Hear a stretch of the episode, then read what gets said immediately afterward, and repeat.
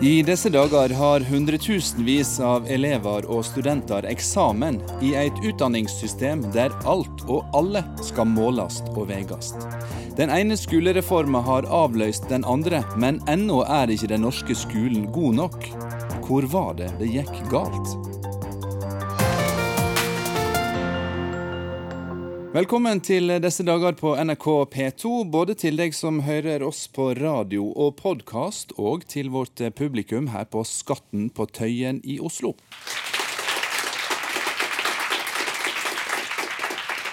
Dagens tema er tilstanden i norsk skole. For det er få deler av norsk samfunnsliv som er så gjennomreformert som skole og utdanning.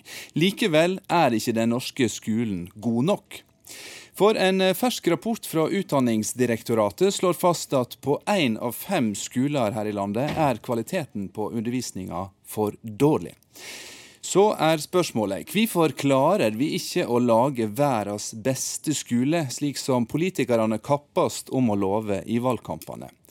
Har de nasjonale prøvene og testinga av skolebarna gått for langt? Dette er noe det vi skal spørre kunnskapsminister Jan Tore Sanner om. Han kommer hit for å forklare hvordan han vil endre innholdet i norsk skole, og hvorfor det er på tide med nok ei omkalfatring i skolen. Hit kommer også trebarnspappaen som mener at skoleledelsen og politikerne sin prestisje går på bekostning av skolebarna sitt beste. Og hun som har vært lærer på Toten i mange år, og ikke minst han som starta debatten som kosta Oslo sin mangeårige skoledirektør jobben.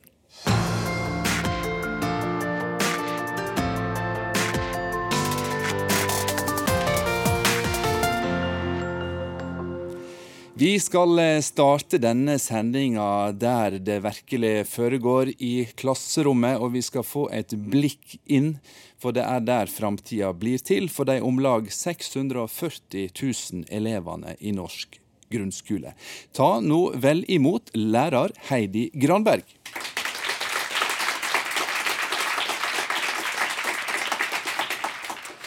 Riktig velkommen til disse dager, Heidi. Tusen takk. Du har jobba tolv år som lærer i en skole på Toten. Stemmer.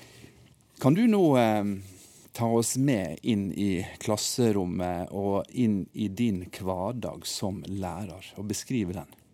Eh, først og fremst så vil jeg jo si at jeg har verdens beste jobb. Eh, det er en jobb der ingen dag er lik. Eh, jeg har noen forventningsfulle øyne som venter på meg hver eneste dag, og er opptatt av hva jeg skal si og gjøre, og hva vi skal gjøre sammen.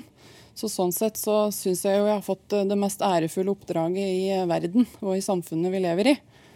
Men jeg opplever jo òg en veldig hektisk hverdag med veldig mye innhold. Jeg eh, har veldig mange arbeidsoppgaver i løpet av en dag. Og jeg har veldig mange som har behov for meg og min kunnskap, men òg min omsorg. Hvordan strekker du til, da? Nei, da lurer jeg jo sjøl på innimellom. Jeg har Jeg trives veldig godt. Eh, og jeg har, eh, har, jo et ønske om å være der, og det tror jeg på en måte hjelper veldig i den jobben. Men eh, det er Jeg sliter med å få tida til å gå opp, for jeg har en veldig hektisk timeplan. på barnetrinnet så har vi en veldig tett timeplan. Det er veldig lite kall det høl i arbeidsplanen. Sånn at det går i ett hele dagen med både undervisning og inspeksjon. og og, på en måte følge opp det som hele tida skjer. For vi jobber jo med mennesker, og mennesker, der dukker det opp ting hele tida. Sånn at det går, det går, fra jeg kommer inn i klasserommet til jeg går, går hjem, så går det, det full rulle. Ja, men Hva er det du driver med? da? Kan du prøve å, å fortelle oss hva består en arbeidsdag i? Eh, det er jo mye undervisning. Eh, mye, mye ja, læringsmiljøarbeid, vil jeg kalle det. Jobber veldig mye med klassemiljø egentlig hver dag hele tida. Mm. Sjøl midt i en norsktime så kan det dukke opp eh, små og store ting som gjør at du må ta tak i det der og da. Hva da, for eksempel? Eh, det kan være to som har krangla i forrige friminutt, som trenger hjelp. Det kan være en som er veldig sulten. Eller tre som eh, kanskje ikke har det så bra akkurat den dagen. Og da må jeg klare på en måte å balansere det å være den fag, faglige personen som skal gi, lære dem noe, men samtidig ha det blikket for de ansiktsuttrykkene som møter meg når de kommer inn fra friminutt. da. Har de det bra? Eh, det er, jeg møter alle i døra hver morgen, og etter hvert friminutt da står de på en måte utafor døra. Og det er, det er håndtrykket, da. Det er jeg veldig opptatt av. Og det, ansikts, altså det blikket jeg møter, sier meg veldig mye når du har blitt kjent med elevene dine. Du Hvordan, ser det med en gang? Ja, ganske. Når du har hatt eh, elever i et par måneder, så vil jeg si du ser det. Jeg ser det veldig, hvem som har hatt et bra friminutt, og hvem som ikke har hatt det. Så for meg er kroppsspråk og den der tette kontakten til enhver tid enormt viktig for å vite hvordan de har det.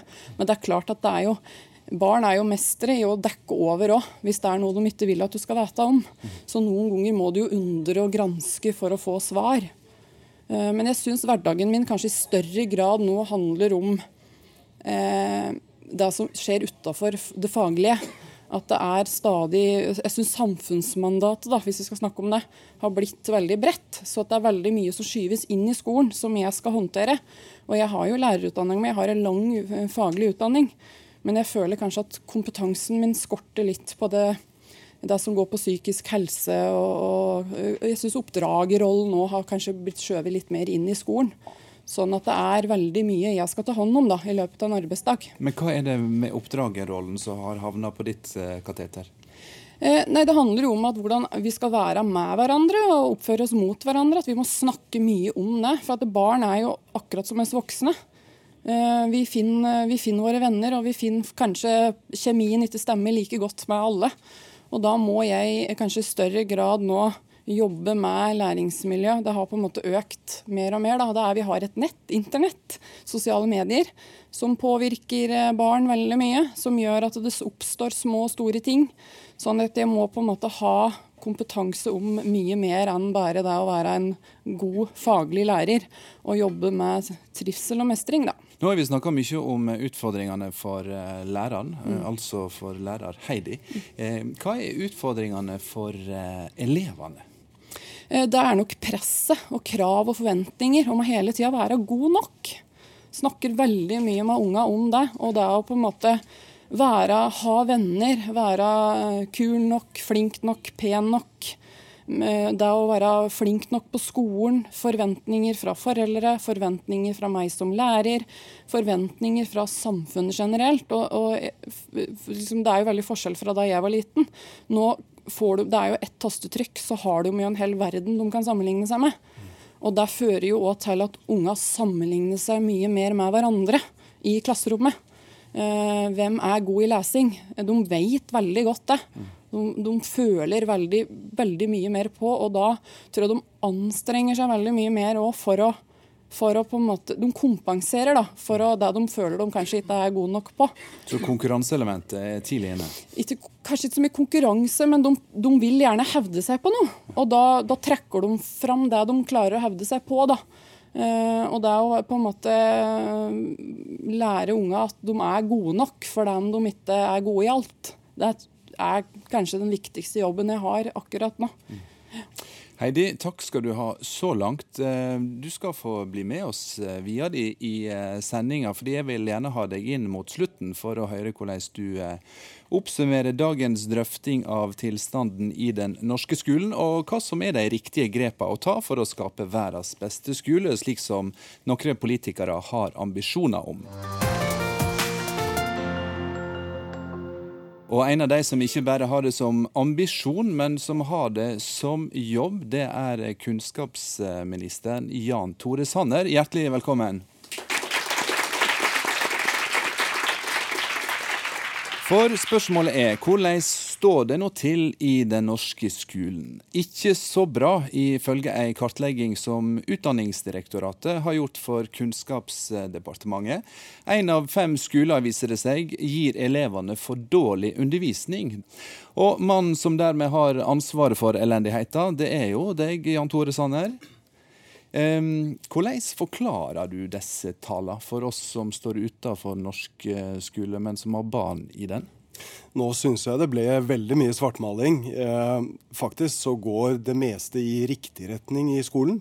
Vi ser at elevene lærer mer, de er mer til stede på skolen, flere fullfører og består. Eh, og vi ser også at mobbingen går, går ned. Men så er vi opptatt av at alle skoler må utvikle seg. Jeg er opptatt av at alle elever, når de går inn skoleporten, så skal skolen bidra til å løfte dem. Eh, jeg ser at det i dag er en del forskjeller. Det betyr noe om du er gutt eller jente, hvilken kommune du bor i, om dine foreldre er født i Somalia eller i Norge, om du selv bor i Vadsø eller i, i, Oslo. Og det er de forskjellene som jeg vil til livs. Nå har vi fått det som vi kaller for skolebidragsindikatoren. Veldig vanskelig ord, men veldig viktig. Eh, og det den forteller noe om, det er i hvilken grad skolen klarer å løfte elevene. Med andre ord, du ser ikke bare på hvem som har de beste resultatene på nasjonale prøver, men hvordan skolen løfter elevene. Og Det er kanskje noe av det aller viktigste, og jeg ønsker at alle skoler, skoleledere, skoleeiere skal bruke den til å utvikle sin egen skole. For de dårligste skolene og elevene der, så betyr eh, dette som denne undersøkelsen viser, at de elevene på de dårligste skolene får mindre læring som tilsvarer et helt skoleår enn elevene på de beste skolene. Og Hvis du syns jeg er svartmaler, så har jeg blitt inspirert av et intervju som Erna Solberg har gitt om akkurat denne. Spørsmålet mitt er hva grep tar du som statsråd for dette? Ja, jeg mener at det er alvorlig at én uh, av fem uh, skoler uh, gjør det for dårlig. og Det er nettopp derfor vi nå fornyer skolen og skolens innhold. det viktigste vi kan gjøre, det er å satse på lærerne. Vi gjennomfører nå et historisk videreutdanningsløft for lærerne. Vi vet at eh, lærere som kan sine fag, eh, de bidrar også til å løfte alle elever. Og det sier lærere selv som har vært på videreutdanning, at de blir bedre til å undervise. Det andre som jeg mener er viktig, det er tidlig innsats. Jeg reiser mye rundt i Skole-Norge, snakker med både lærere og også ungdommer. Eh, og jeg har aldri møtt noen som sier at jeg ble oppdaget for tidlig. Men jeg har møtt mange ungdommer som sier at mitt problem fikk lov til å vokse seg stort. Enten fordi at de ble mobbet og dårlig læringsmiljø, eller at de ikke lærte å lese og skrive og regne, eh, og at den ivrige hånden som, eh, som var der de første årene, ble stillere og stillere, og til slutt så fikk problemet vokse seg stort. Erna Solberg har sagt at det er på tide at kommunene tar utdanning på alvor. Ehm, hva mener du slags kommune de andre bør se opp til her i landet? Ja, nå gir jeg da et, eh, det vi kaller for et oppdrag til Utdanningsdirektoratet, som er vår fagetat. Nettopp for å finne ut hva er det de gjør, de eh, skolene og de skoleeierne som klarer å løfte skolen mest. Eh, og vi ser at, eh, at det finnes ikke ett svar på det. Det er ikke slik at alle er i Oslo, eller at alle er i Sogn og Fjordane. Vi ser at det kan være forskjeller også internt i en kommune. I hvilken grad de klarer å løfte de som går i første til fjerde klasse, eller de som går femte til syvende, eller de som går på ungdomsskolen. Jeg er opptatt av at, eh, at Fornyelsen av skolen skal være kunnskapsbasert, og det betyr at vi må ha mer kunnskap om hva de skolene gjør, skolelederne og lærerne gjør, som klarer å løfte skolene mest. Yes. Dette um, skal vi komme mer tilbake til, Jan Tore Sanner. For jeg tenkte nå i dag at vi skulle kjøre en slags eh, klassens time her i dag. Og ta for oss eh, ulike utfordringer som du har på ditt bord, og slippe til en del av de som mener mye om ditt ansvarsområde. For her i disse dager på NRK P2 er det altså tilstanden i norsk skole som er tema, og vi skal nå inn i debatten om testing og måling av norske skolebarn. Du hører NRK P2.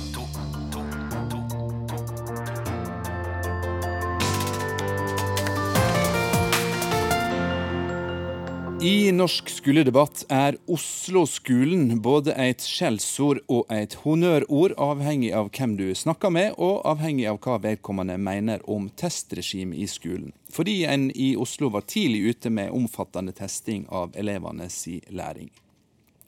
Og For ett år siden så var det én lærer som virkelig satte fyr på debatten om Oslo-skolen spesielt, og norsk skole generelt, med denne minuttlange tiraden på radio om tilstanden i klasserommet hans.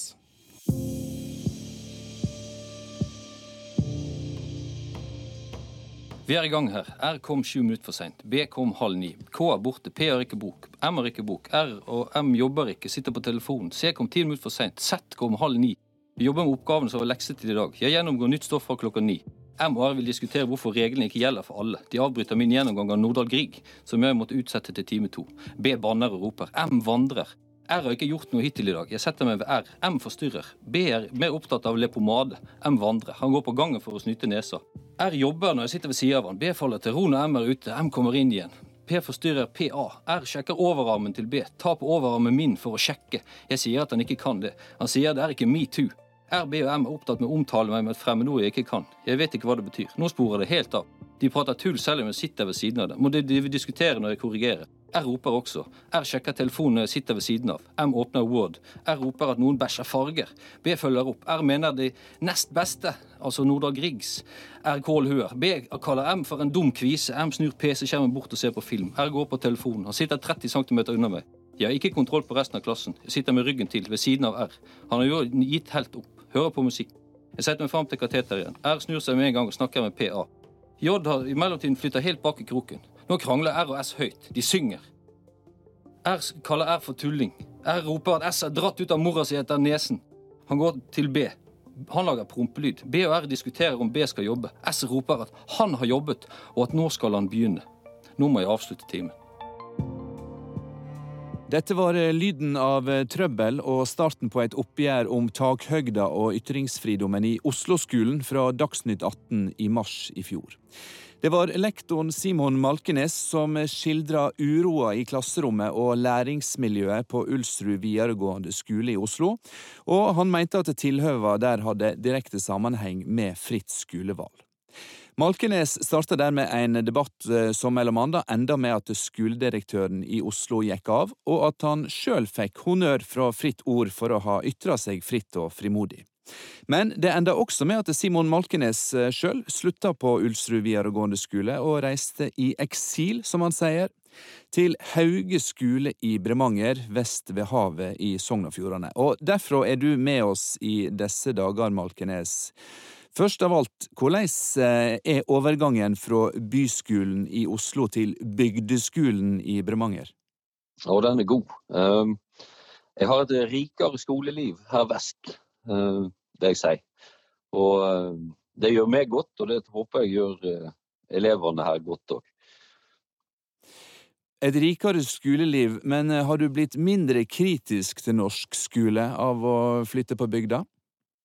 Jeg følger nøye med, hvis det er en del måter å si det på. Så, og jeg er fortsatt aktiv i offentligheten og har hatt mine bruduljer, senest i Klassekampen nå siste månedene. Så så jeg er fortsatt like engasjert.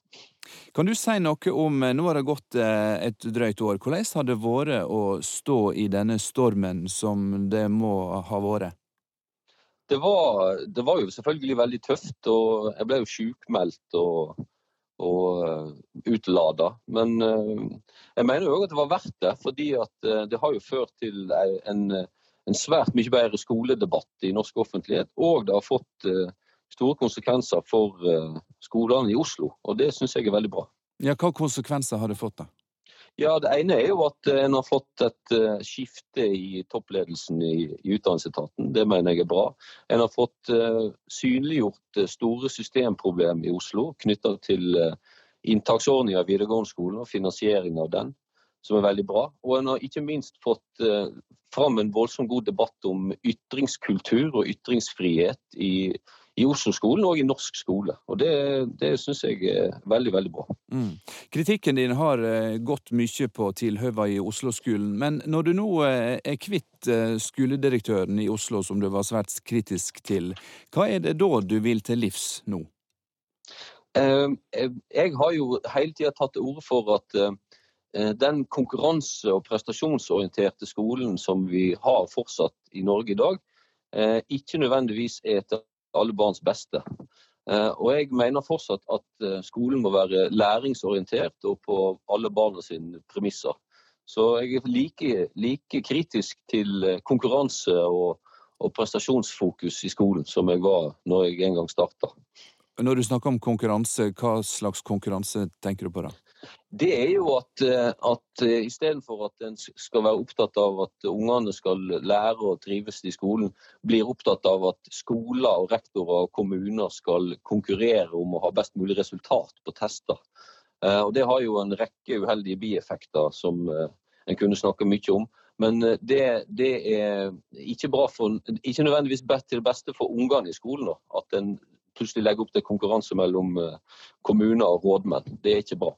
Men ei viss grad av testing må vel til, Malkenes, for å vite om en er på rett vei?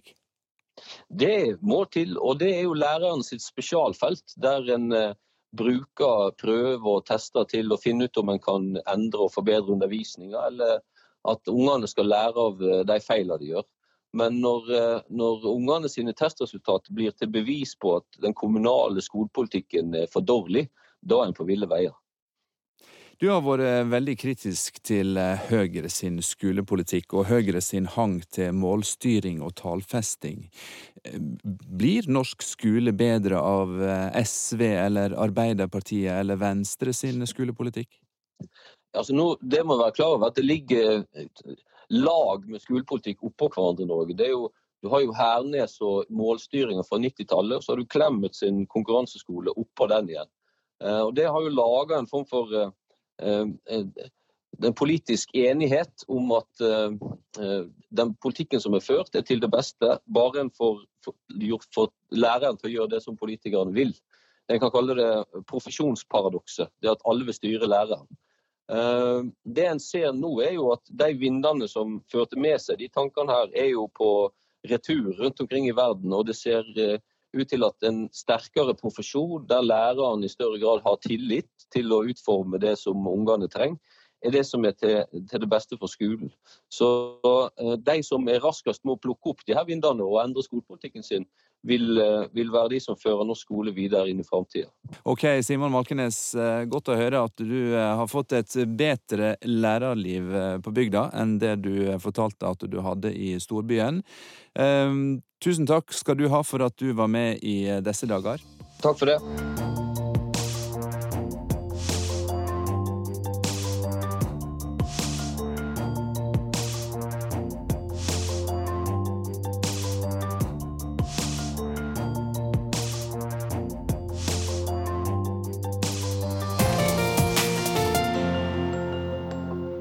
Ståa i norsk skole er tema her i disse dager på NRK P2, og vi skal nå gå inn i temaet som dreier seg om testing og nasjonale prøver.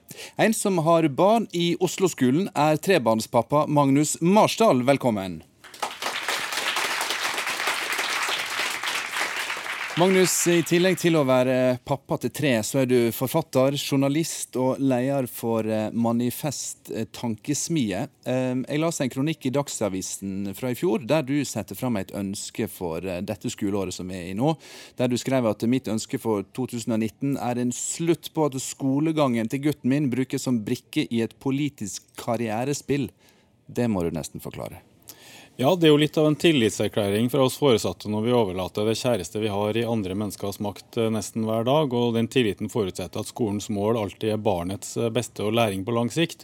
Og da må ikke skolekulturen preges av voksnes jag etter prestisje på kort sikt. Men vi ser dessverre noen urovekkende eksempler på en sånn uh, ukultur, der problemet ikke er at det testes og måles, men at det knyttes prestisje Eh, til måling og rangering. Hva type prestisje snakker du om? Jo, At det rangeres i lokalavisene, at det hauses opp fra politikere som ønsker å vise fram skoletestresultater som et produkt overfor velgerne. Og det blir veldig viktiggjort i eh, kollegiet på mange skoler, også snakka om blant eh, foresatte og barn.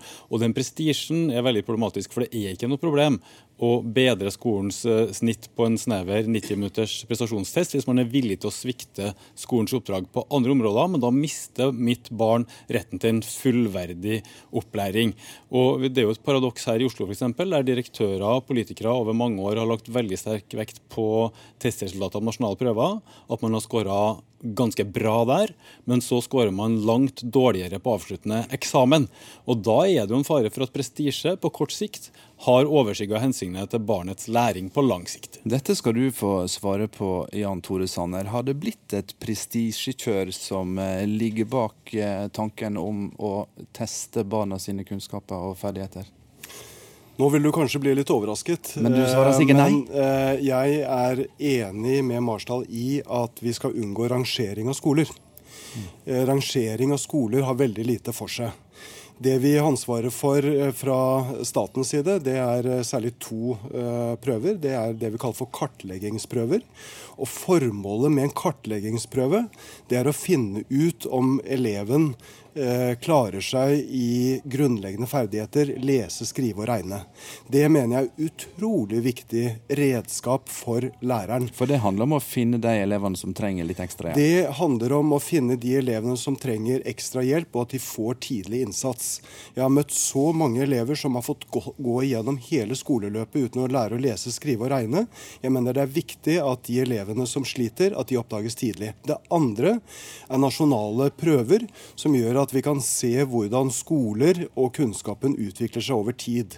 Og Hvis du summerer alt dette opp, så utgjør det 15 timer i løpet av 13 år. Så er det slik at skolen og læreren har en del prøver i tillegg. Men det som, det som, er, det som venstresiden ofte beskriver som testregime i skolen, det er altså 15 timer i løpet av 13 år. Jeg mener at de prøvene som vi har ansvaret for, er viktige. Det er viktig for hver enkelt elev, og det er viktig for at vi skal se hvordan det utvikler seg over tid. Og jeg mener at åpenhet er viktig, fordi at vi som samfunn også må vite hvordan skolen utvikler seg over tid. Vi skal komme til åpenheten, men jeg har snakka med mange Sanner, eh, de siste dagene som, eh, i skolen som sier at de er ikke imot testing og nasjonale prøver og slike ting, men de er imot måten de blir brukte på. Ikke som et middel til å tilpasse undervisninga, men som et konkurranseelement. En liste som viser hvem som er dårligst og best. Ser du at fokuset på disse resultatene kan gi et fokus på konkurranse, og, og skape dette prestisjepresset som Marsdal snakker om? Ja, Det avhenger av hva slags konkurranse vi, vi snakker om. Jeg mener at de, eh, de, prøvene vi har ansvaret for, og også den skolebidragsindikatoren som da viser en del av hvordan skolen utvikler seg, det er et viktig verktøy for skolen for skoleleder, for skoleeier og for lærerne. Og de må gå inn i det og se hva kan de lære av, av andre.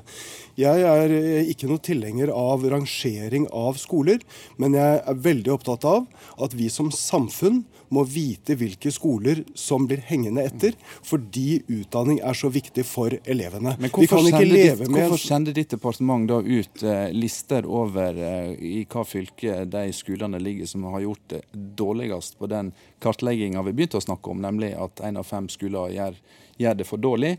Og ditt departement eh, peker jo på hvor de skolene ligger. Er ikke det en del av samme pakken? da? Det var fordi at NRK ba om å få en slik liste. Dette er offentlig tilgjengelig informasjon. Eh, vi har vært veldig tydelige på at man skal eh, ikke rangere skoler og kommuner på, på, den måten. Man skal lære av de resultatene som, som ligger der. Og Det er derfor både skoleleder og skoleeier må gå inn i resultatene. Det er etter min oppfatning svært alvorlig at, at noen elever får opptil ett års ekstra undervisning fordi at de går på en skole som er flink til å løfte elevene sammenlignet med andre. Skal vi gi elevene like muligheter, så må vi også løfte de skolene som blir hengende etter. Og Da er vel problemet løst, da, Marsdal, når du hører Sanner her? Nei, det er dessverre villedende fra statsråden også mot bedre vitende når han eh, snakker om de her 15 timene som eh, staten pålegger. For det har aldri vært noen kritikk eh, fra venstresida eller andre av at eh, de testene avholdes. Det det handler om, er jo at skolene f.eks. i Oslo og også andre kommuner bruker dagevis og ukevis i forkant for å drille elevene inn mot de testene. Så man tar store deler av den tida som skal gå til en fullverdig opplæring, og heller retter det inn mot det som gir rektors eh, økte prestisje på kort sikt her i Oslo. Så kan at de det være, øver til prøvene? Du kan begynne i januar og øve i januar, februar, april, mai og sånn, fram til en test som er på høsten. Og det som er enda mer urovekkende enn den her eh, sånn mentale bloddopinga fram mot nasjonale prøver, er jo at de kartleggingsprøvene som statsråden viser til, som bare skal brukes for å fange opp dem som trenger ekstra oppfølging, i Oslo har blitt øvd til systematisk. Jeg har selv snakka med folk som har stått i de klasserommene mandag, tirsdag og onsdag, så gjør de intet annet. Fordi de har en lærer som føler et prestisjejag på å ikke ha for mange svake elever. Men her svikter man jo de elevene som trenger skolen mest, fordi hensynet til prestisjen hos de voksne overskygger hensynet til til barnets beste. Og Dessverre så tror jeg at den kulturen her kommer fra toppen. Det Men er... la Sanner svare på det. Sanner, du er litt groggy i stemma di, eh, derfor du må kremte litt. Men, men er det greit at, eh, at lærere eh, tester, eh, tester, med elevene sine før testen? At de øver seg på disse prøvene? Det er jo ikke unaturlig at man øver litt før en, før en prøve. Men jeg reiser mye rundt jo, men Vi snakker ikke om å øve litt for en prøve, vi ja. snakker om å, å, å forberede seg på, på, de nasjonale prøvene for å komme ut med et best mulig resultat. Er det en del av opplegget slik du har tenkt deg? Dette, dette er da en vurdering som den enkelte skole, skoleledelse og, og lærere gjør. Eh, men jeg kjenner ikke igjen den beskrivelsen som Marsdal her gir, eh, om prestisje og konkurranse og, og jaget etter å være, være, være, best. Jeg besøker så mange både små og store skoler over, over hele landet, og jeg møter engasjerte lærere, skoleledere, som jobber grundig både med å lære elevene, sørge for at alle, alle, mestrer. Og så bruker man disse testene eh, til å finne de elevene som trenger ekstra hjelp og, og støtte. Men så er det, et klart er det venstresideretorikk Marsdal står og framfører nå, da? Jo, altså Marsdal står jo godt på venstresiden, så man skal ikke overraskes over at han bruker venstresideretorikk. Men så er det klart at, at skolene må også passe på at man ikke legger den ene prøven oppå den andre. På samme måte som at lærerne må koordinere seg når det gjelder lekser, slik at ikke alt kommer samtidig i samme, samme uke. Så lærerne må koordinere seg, slik at elevene får en, en eh, jevn arbeidsbyrde, og at ikke alt kommer samtidig. Marsdal, eh, har du eksempler på dette som gjør at Sanner eh, tror på det du forteller? Ja, det er jo dessverre mot bedre vitende fordi det han sier. fordi VG har jo dokumentert grundig at det ble øvd systematisk til kartleggingsprøver i Oslo-skolen. Noe som først ble nekta for, eh, men som etter hvert ble avslørt. Og det er jo også tatt oppgjør med, fordi det svikter de barna som trenger å kartlegges. Tusenvis av barn kan da ikke ha blitt fanga opp, for de trenger eh, ekstra hjelp. ikke sant? Og det har å gjøre med et prestisjejag som jeg tror dessverre kommer ovenfra. Det har vært bra med litt selvransakelse i Høyre, som i alle år har sagt sånn Oslo-skolen er best i test, og Oslo-skolen er Høyre-skolen. Man gjør barns testresultater til et politisk produkt som skal markedsføres gjennom media ut mot velgerne. Men skolen er ikke til for å bygge politiske karrierer. Den er til for at mitt barn skal få en fullverdig, allsidig og trygg opplæring, oppleve mestring og læring på lang sikt. Og i den skolen må vi holde nede vår alles naturlige tilbøyelighet til også å søke prestisje på kort sikt. Bli god på det vi blir målt på sånn. Og dessverre så har mange politikere med nærhet til privat forretningsliv en tendens til å tro at de metodene fra idrettsbanen eller fra børsen kan passe i skolen, men der må politikerne trå varsomt, for inne i klasserommet så blir mennesker til, og det passer ikke, ikke med konkurranse tror, og rangering. Jeg tror ikke så veldig mange kjenner seg igjen i den retorikken som, som du presenterer. Jeg er langt mer bekymret for de elevene som går igjennom hele grunnskolen uten å lese og skrive og regne skikkelig, den fjerdedelen som fortsatt dropper ut av videregående videregående skole. Vi må sørge for tidlig innsats både i barneskolen, men også tidlig innsats når problemene tårner seg opp senere i, i, i løpet. Magnus Marsdal, er det ikke nettopp på vegne av eh, barna våre, andre din sønn, at vi skal ha skyhøye ambisjoner og stor prestisje i skolepolitikken? Eh, vi skal ha høye ambisjoner for alle barns mestring og læring på lang sikt. Men en skole som vi som foresatte og samfunn skal ha tillit til, den kan ikke kvalitetsutvikles gjennom å oppildne til prestisjejag blant de voksne på kort sikt. Og veldig mange av de metodene som har blitt satt i system de siste årene, og særlig der Høyre har styrt, men også andre, har det til felles at de skaper måling, skaper rangering og utløser det prestisjejaget som jeg tror ikke er sunt for barna våre, og som også undergraver den profesjonelle lærerrollen. Og jeg tror at en, hvis mitt barn skal ivaretas, så må det nesten være eh, av en pedagog som står der og har møtt ungen, og kan ikke overstyres av en ambisiøs politiker eller direktør som aldri har møtt barnet, men som har noen fikse ideer om at måling og rangering kan anspore til kvalitet. Vi har hørt det før, og vi hører det her og nå. Eh, venstresida blir ikke enig med høyresida om hva som er rett medisin for norsk eh, skole. Og hvorfor det har blitt så politisert og så steile fronter, det skal vi grave dypere i litt senere i sendinga, når vi får inn en historiker som er noe sånt som bortimot norgesmester i norsk skolehistorie. Nå skal Magnus Marsdal få springe for å rekke en fotballkamp med sin sju år gamle sønn. Lykke til til med det. Vi skal holde fram, vi, Jan Tore Sanner, og spørre hvorfor er norsk skolepolitikk slikt et stridstema, og hvorfor har vi undersøkelser som viser at én av fem skoler er for dårlige, etter alle reformene i norsk skole? For de har det jammen vært en del av.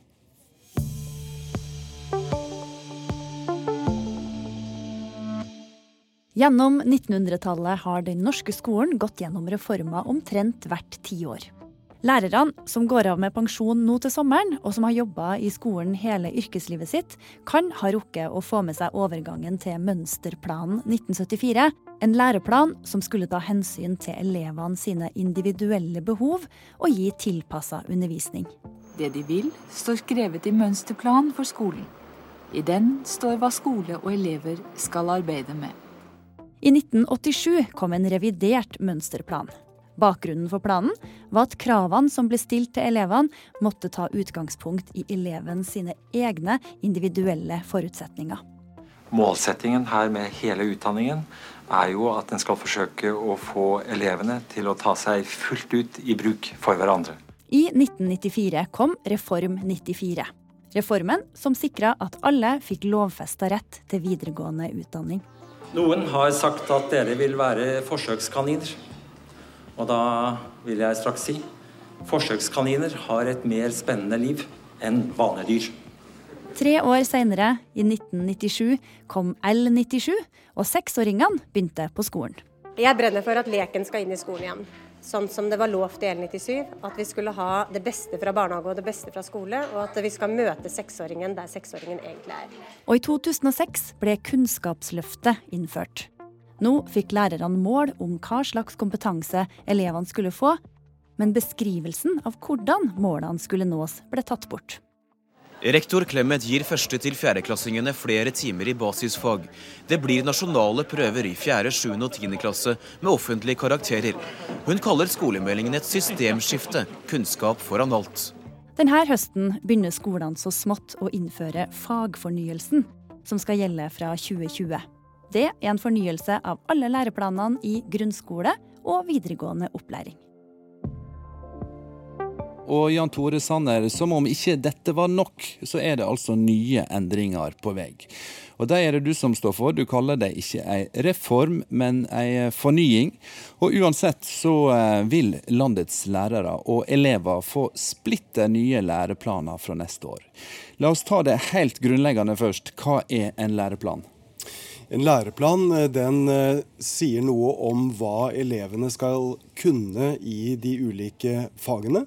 Eh, og skal også da binde faget opp til den overordnede delen, som sier en del om verdiene og formålet skolens oppdrag. Ja, og Du har hatt ute forslag til nye læreplaner som skal tre i kraft fra og med neste år. Du har fått noe sånn som 14 000 tilbakemeldinger. Eh, hva endringer innebærer de nye planene som du vil eh, komme med? Det vi nå kommer med, det er en fornyelse av Kunnskapsløftet. Det betyr at vi skal ikke kaste om på alt, vi skal ta vare på det som fungerer godt. Og Det var Kristin Clemet, din partikollega, som eh, satte i gang Kunnskapsløftet i 2006. Det er riktig, og det som kommer inn nå, det er eh, mer lek eh, i de første årene. At det blir mer læring gjennom, gjennom lek, slik at overgangen mellom barnehage til skole at den blir, blir bedre så vil flere fag bli mer praktiske, mer utforskende. Eh, så vil vi også få inn det vi kaller for digital dømmekraft, digital sikkerhet, digital skaperkraft. Og det er noe med endringene i samfunnet å gjøre. Eh, fordi at eh, Da Kunnskapsløftet kom, da hadde vi ikke Facebook. Nå må elevene kunne ha, kunne ha, en, ha en, digital dømmekraft, vite hvilke spor du etterlater deg. Men også en digital skaperkraft, altså programmering. Dagens ungdommer skal ikke bare forholde seg til sosiale medier, de skal også bruke dem. Det blir mindre pugging, og det vet jeg om eh, mange som blir glad for. Nå skal vi høre med Kirsten Sivesin, som har kommet på scenen. Du er førsteamanuensis ved Institutt for pedagogikk ved Universitetet i Oslo. Eh, hva syns du som pedagog og ekspert på pedagogikk om eh, disse planene som Sanner vil sette i verk? Jeg syns det er på tide at vi får nye planer, at de blir fornyet. Det var en eh, enighet blant veldig mange aktører og interessenter at man skulle få nye planer. Eh, Bl.a. fordi de planene vi hadde var for omfattende, og det ble såkalt overflatelæring. Eh, som en konsekvens av at det var for mye som ble presentert i planene. På den annen side så er det jo spørsmål om de nye planene vil løse problemet. Og Hva er problemet? Problemet er at eh, myndighetene i dag ikke klarer å skape de gode rammene om skolen, som gjør at lærere kan på en måte bestemme hva de skal gå gjennom, og hva, hva, hva, de, hva det er mulig å lære. Eh, det, er, rett og slett ikke en politikk som skaper rammer. Isteden så skaper man forventninger til hva man skal ha lært på ulike trinn. Eh, og man styrer på forventninger, og man styrer på forventninger om læring og forbedring og alt som skal bli bedre. For mye styring? Ja, og det er på tross av at man har en, en retorikk om at man styrer på, på mykt vis. da. Dette er en form for styring som vi kjenner internasjonalt fra, som importeres til vårt land. Eh, og så forsøker man å tilpasse det til et offentlig utdanningssystem. Eh, og dermed så endrer man læreplanene ganske dramatisk. Fra å i stedet beskrive hva skolen skal omhandle, og si at det er lærerens ansvar å tilpasse dette innholdet til skolen, altså undervisning, til at man presiserer da hva elevene skal ha lært. Og Læring er, og kompetanse er så breie kategorier at det fins ikke grenser for hva som kan da ligge inne i de små kjerneelementene eller de kunnskapskravene man stiller. Men Sanner kaller dette et verdiløft, og du kaller det sosial styring. Altså, ja, det, er, det liksom en klam hånd fra kunnskapsministeren som går direkte inn på, på kateteret i klasserommet? Det er også en litt ny variant. Da. For tidligere så styrte man gjennom normer. Så når politikerne har muligheten til å lage et lovverk som gir normer, og som utledes i læreplaner som er normative, så er det tross alt likevel noe man kan tilpasset til en virkelighet hvor det er ulike verdier som på en måte settes i spill. Mm. Og Da lurer jeg på, eh, for de som ikke har eh, vokabularet helt eh, fremst i panna, hva betyr dette du sier nå, Kirsten, for lærerne som underviser barna våre? Ja, Da må de jo i større grad da styre på barns læring og hvilke verdier man setter foran andre. Og Det betyr at vi styrer menneskers måte å tilpasse seg våre forventninger på. En forventningsstyring som altså ikke lager de gode rammene som gjør at en lærer kan eh, legge vekt på det viktigste. Så vi løser altså ikke problemet med den type læreplaner. Eh, og det er ikke bare eh, en, Høyres eller en politisk partiproblem. Eh, altså det er rett og slett et, et problem som eh, jeg mener er skapt gjennom en retorikk som veldig mange politikere deler, og også de som jobber i byråkratiet. Sanner, er dette gjort for at det skal være målbart å passe inn i skjemaene dine? Nei, det er det ikke. Eh, og dette har ikke noe med retorikk å gjøre. Eh, de endringene vi gjør, de er kunnskapsbasert. Og vi gjennomfører nå den mest omfattende prosessen som noen gang har vært gjennomført i utviklingen av norsk eh, skole. Og vi gjør det fordi at elevene skal lære mer, og de skal lære bedre. Skolen skal, og det må vi huske på, den skal både danne og utdanne. Skolens oppdrag det handler om at vi skal lære å lese, skrive og regne, men, men, vi skal også løfte verdiene. Elevene skal også kunne mestre hverdagen. Eh, og Det hørte vi også fra læreren innledningsvis i dag, at mange elever opplever press. Mange sliter med psykiske helseutfordringer. Derfor må vi også se endringene i læreplanene i sammenheng med, med, de andre endringene som vi nå gjør i skolen, hvor vi skal bygge et lag rundt elevene. Men flytter du makt nå vekk fra lærerne? Nei, tvert imot. Eh, men her må man rydde litt opp i hva er, hva er nasjonale myndigheters ansvar, og hva er eh, profesjonsfellesskapets ansvar. Eh, vi samarbeider nå tett med alle lærerorganisasjonene. Alle som jobber med norsk skole, er tett på i fagfornyelsen. Det vi da gjør, det er at vi gjennom læreplanene så definerer vi noen kompetansemål. Vi vi må nasjonalt kunne definere noen kompetansemål, hva elevene skal, skal, kunne. De som vokser opp, de som skal bo i Norge, de som skal ut i arbeidslivet. Men så rydder vi da i læreplanene, slik at det blir mer rom for læreren å være lærer. Vi skal ikke gripe inn i metodefriheten. Læreren skal ha stor metodefrihet, nettopp for å kunne tilpasse undervisningen til sin klasse og til de utfordringene man har i sitt lokalmiljø. Kirsten, eh, da vi snakka sammen tidligere, så sa du at eh, det Sanner holder på med her, eh, ifølge deg er i strid med vår grunnlovstradisjon. Og det er såpass heftig at det må du få forklare. Altså, Vi har en tradisjon i Norge med at vi faktisk plasserer ansvar. Vi sier hva som er kongens ansvar, men også hva kongen ikke skal gjøre. Vi sier hva er politikernes ansvar, hva politikere ikke skal gjøre.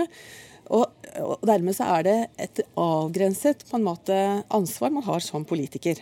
Det betyr også at vi har profesjoner som har ansvar for de profesjonelle, faglige vurderingene i et utdanningssystem. Svekker sånne profesjonene her, da? Altså lærerne? Eh, og så er det slik at Administrasjonen er en buffer som faktisk lager det laget mellom politikk og pedagogikk som gjør at vi får disse rammene.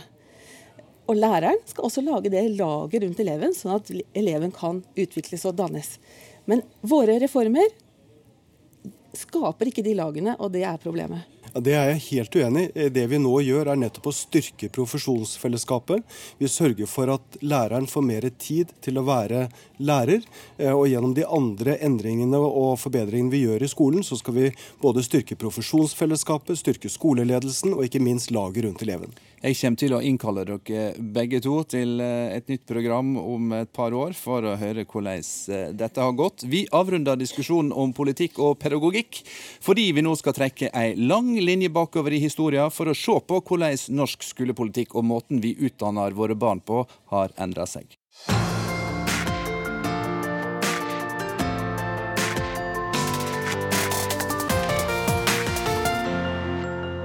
Velkommen på scenen, Kim Helsvik.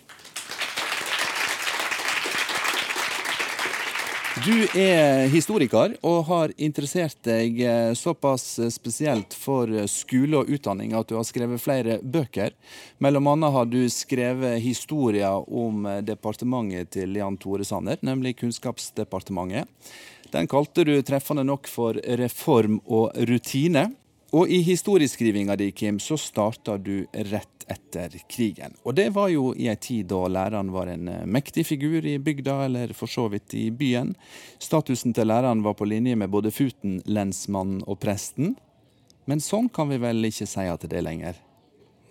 Nei, altså, læreren har jo tradisjonelt i det norske samfunnet hatt en veldig veldig høy, høy status eh, langt inn, i, mm, langt inn, i, etterkrigstiden. Og spesielt da under annen verdenskrig. liksom Lærermotstanden var uh, internasjonalt berømt. Hvordan liksom en samlet lærerstand avviste forsøk på nazifiseringen av den norske skolen og sånt noe. Og dette var bare med på å liksom forsterke denne autoriteten og statusen som, som norske lærerstanden hadde. Og nå hører vi pedagoger skylde politikerne for å utøve sterk sosial styring. Og la oss nå ta eh, historietimen da, Kim Helsvik. Hvordan havna vi der?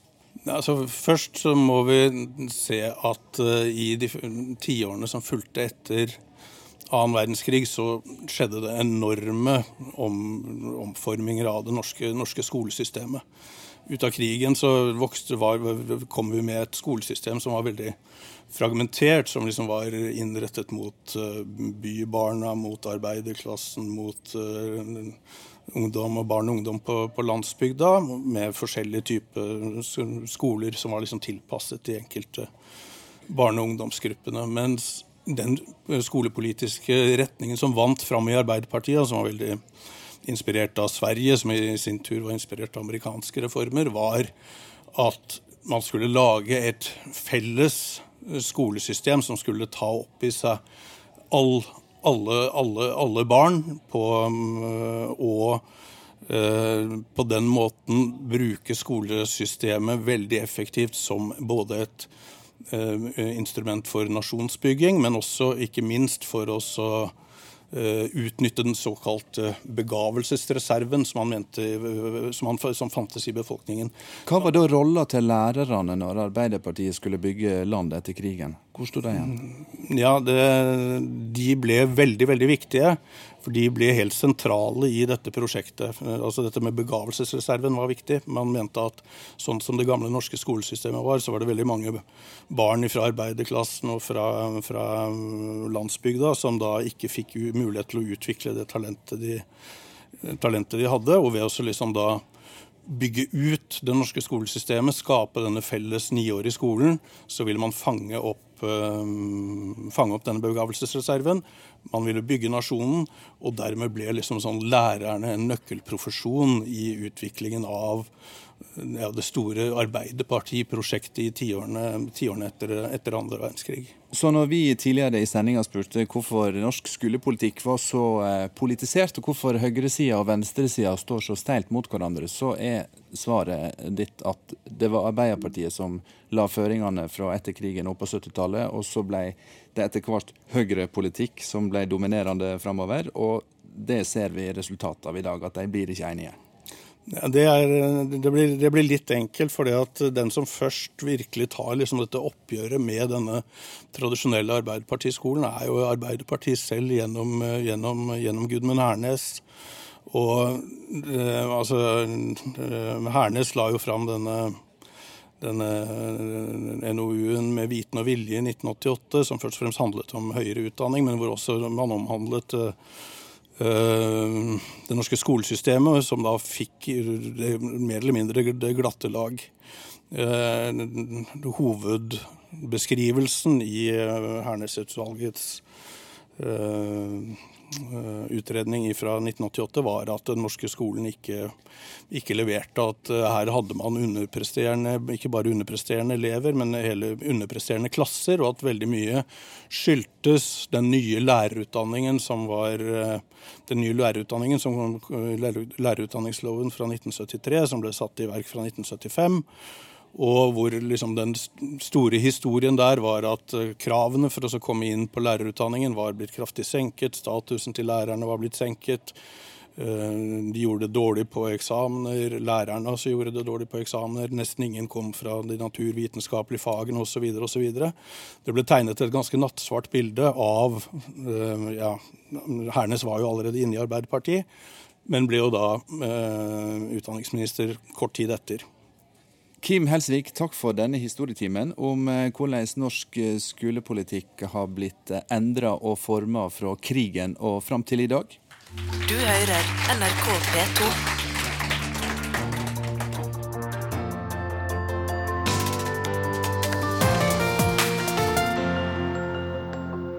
Vi skal tilbake dit vi begynte, nemlig til eh, læreren Heidi Granberg, som altså har jobba tolv år på en eh, skole på Toten, og som starta sendinga med å fortelle om sin eh, arbeidshverdag og livet i klasserommet. Aller først, Heidi, nå har du hørt uh, den ene etter den andre snakke om ditt fag. hva syns du om det vi har vært innom i dag?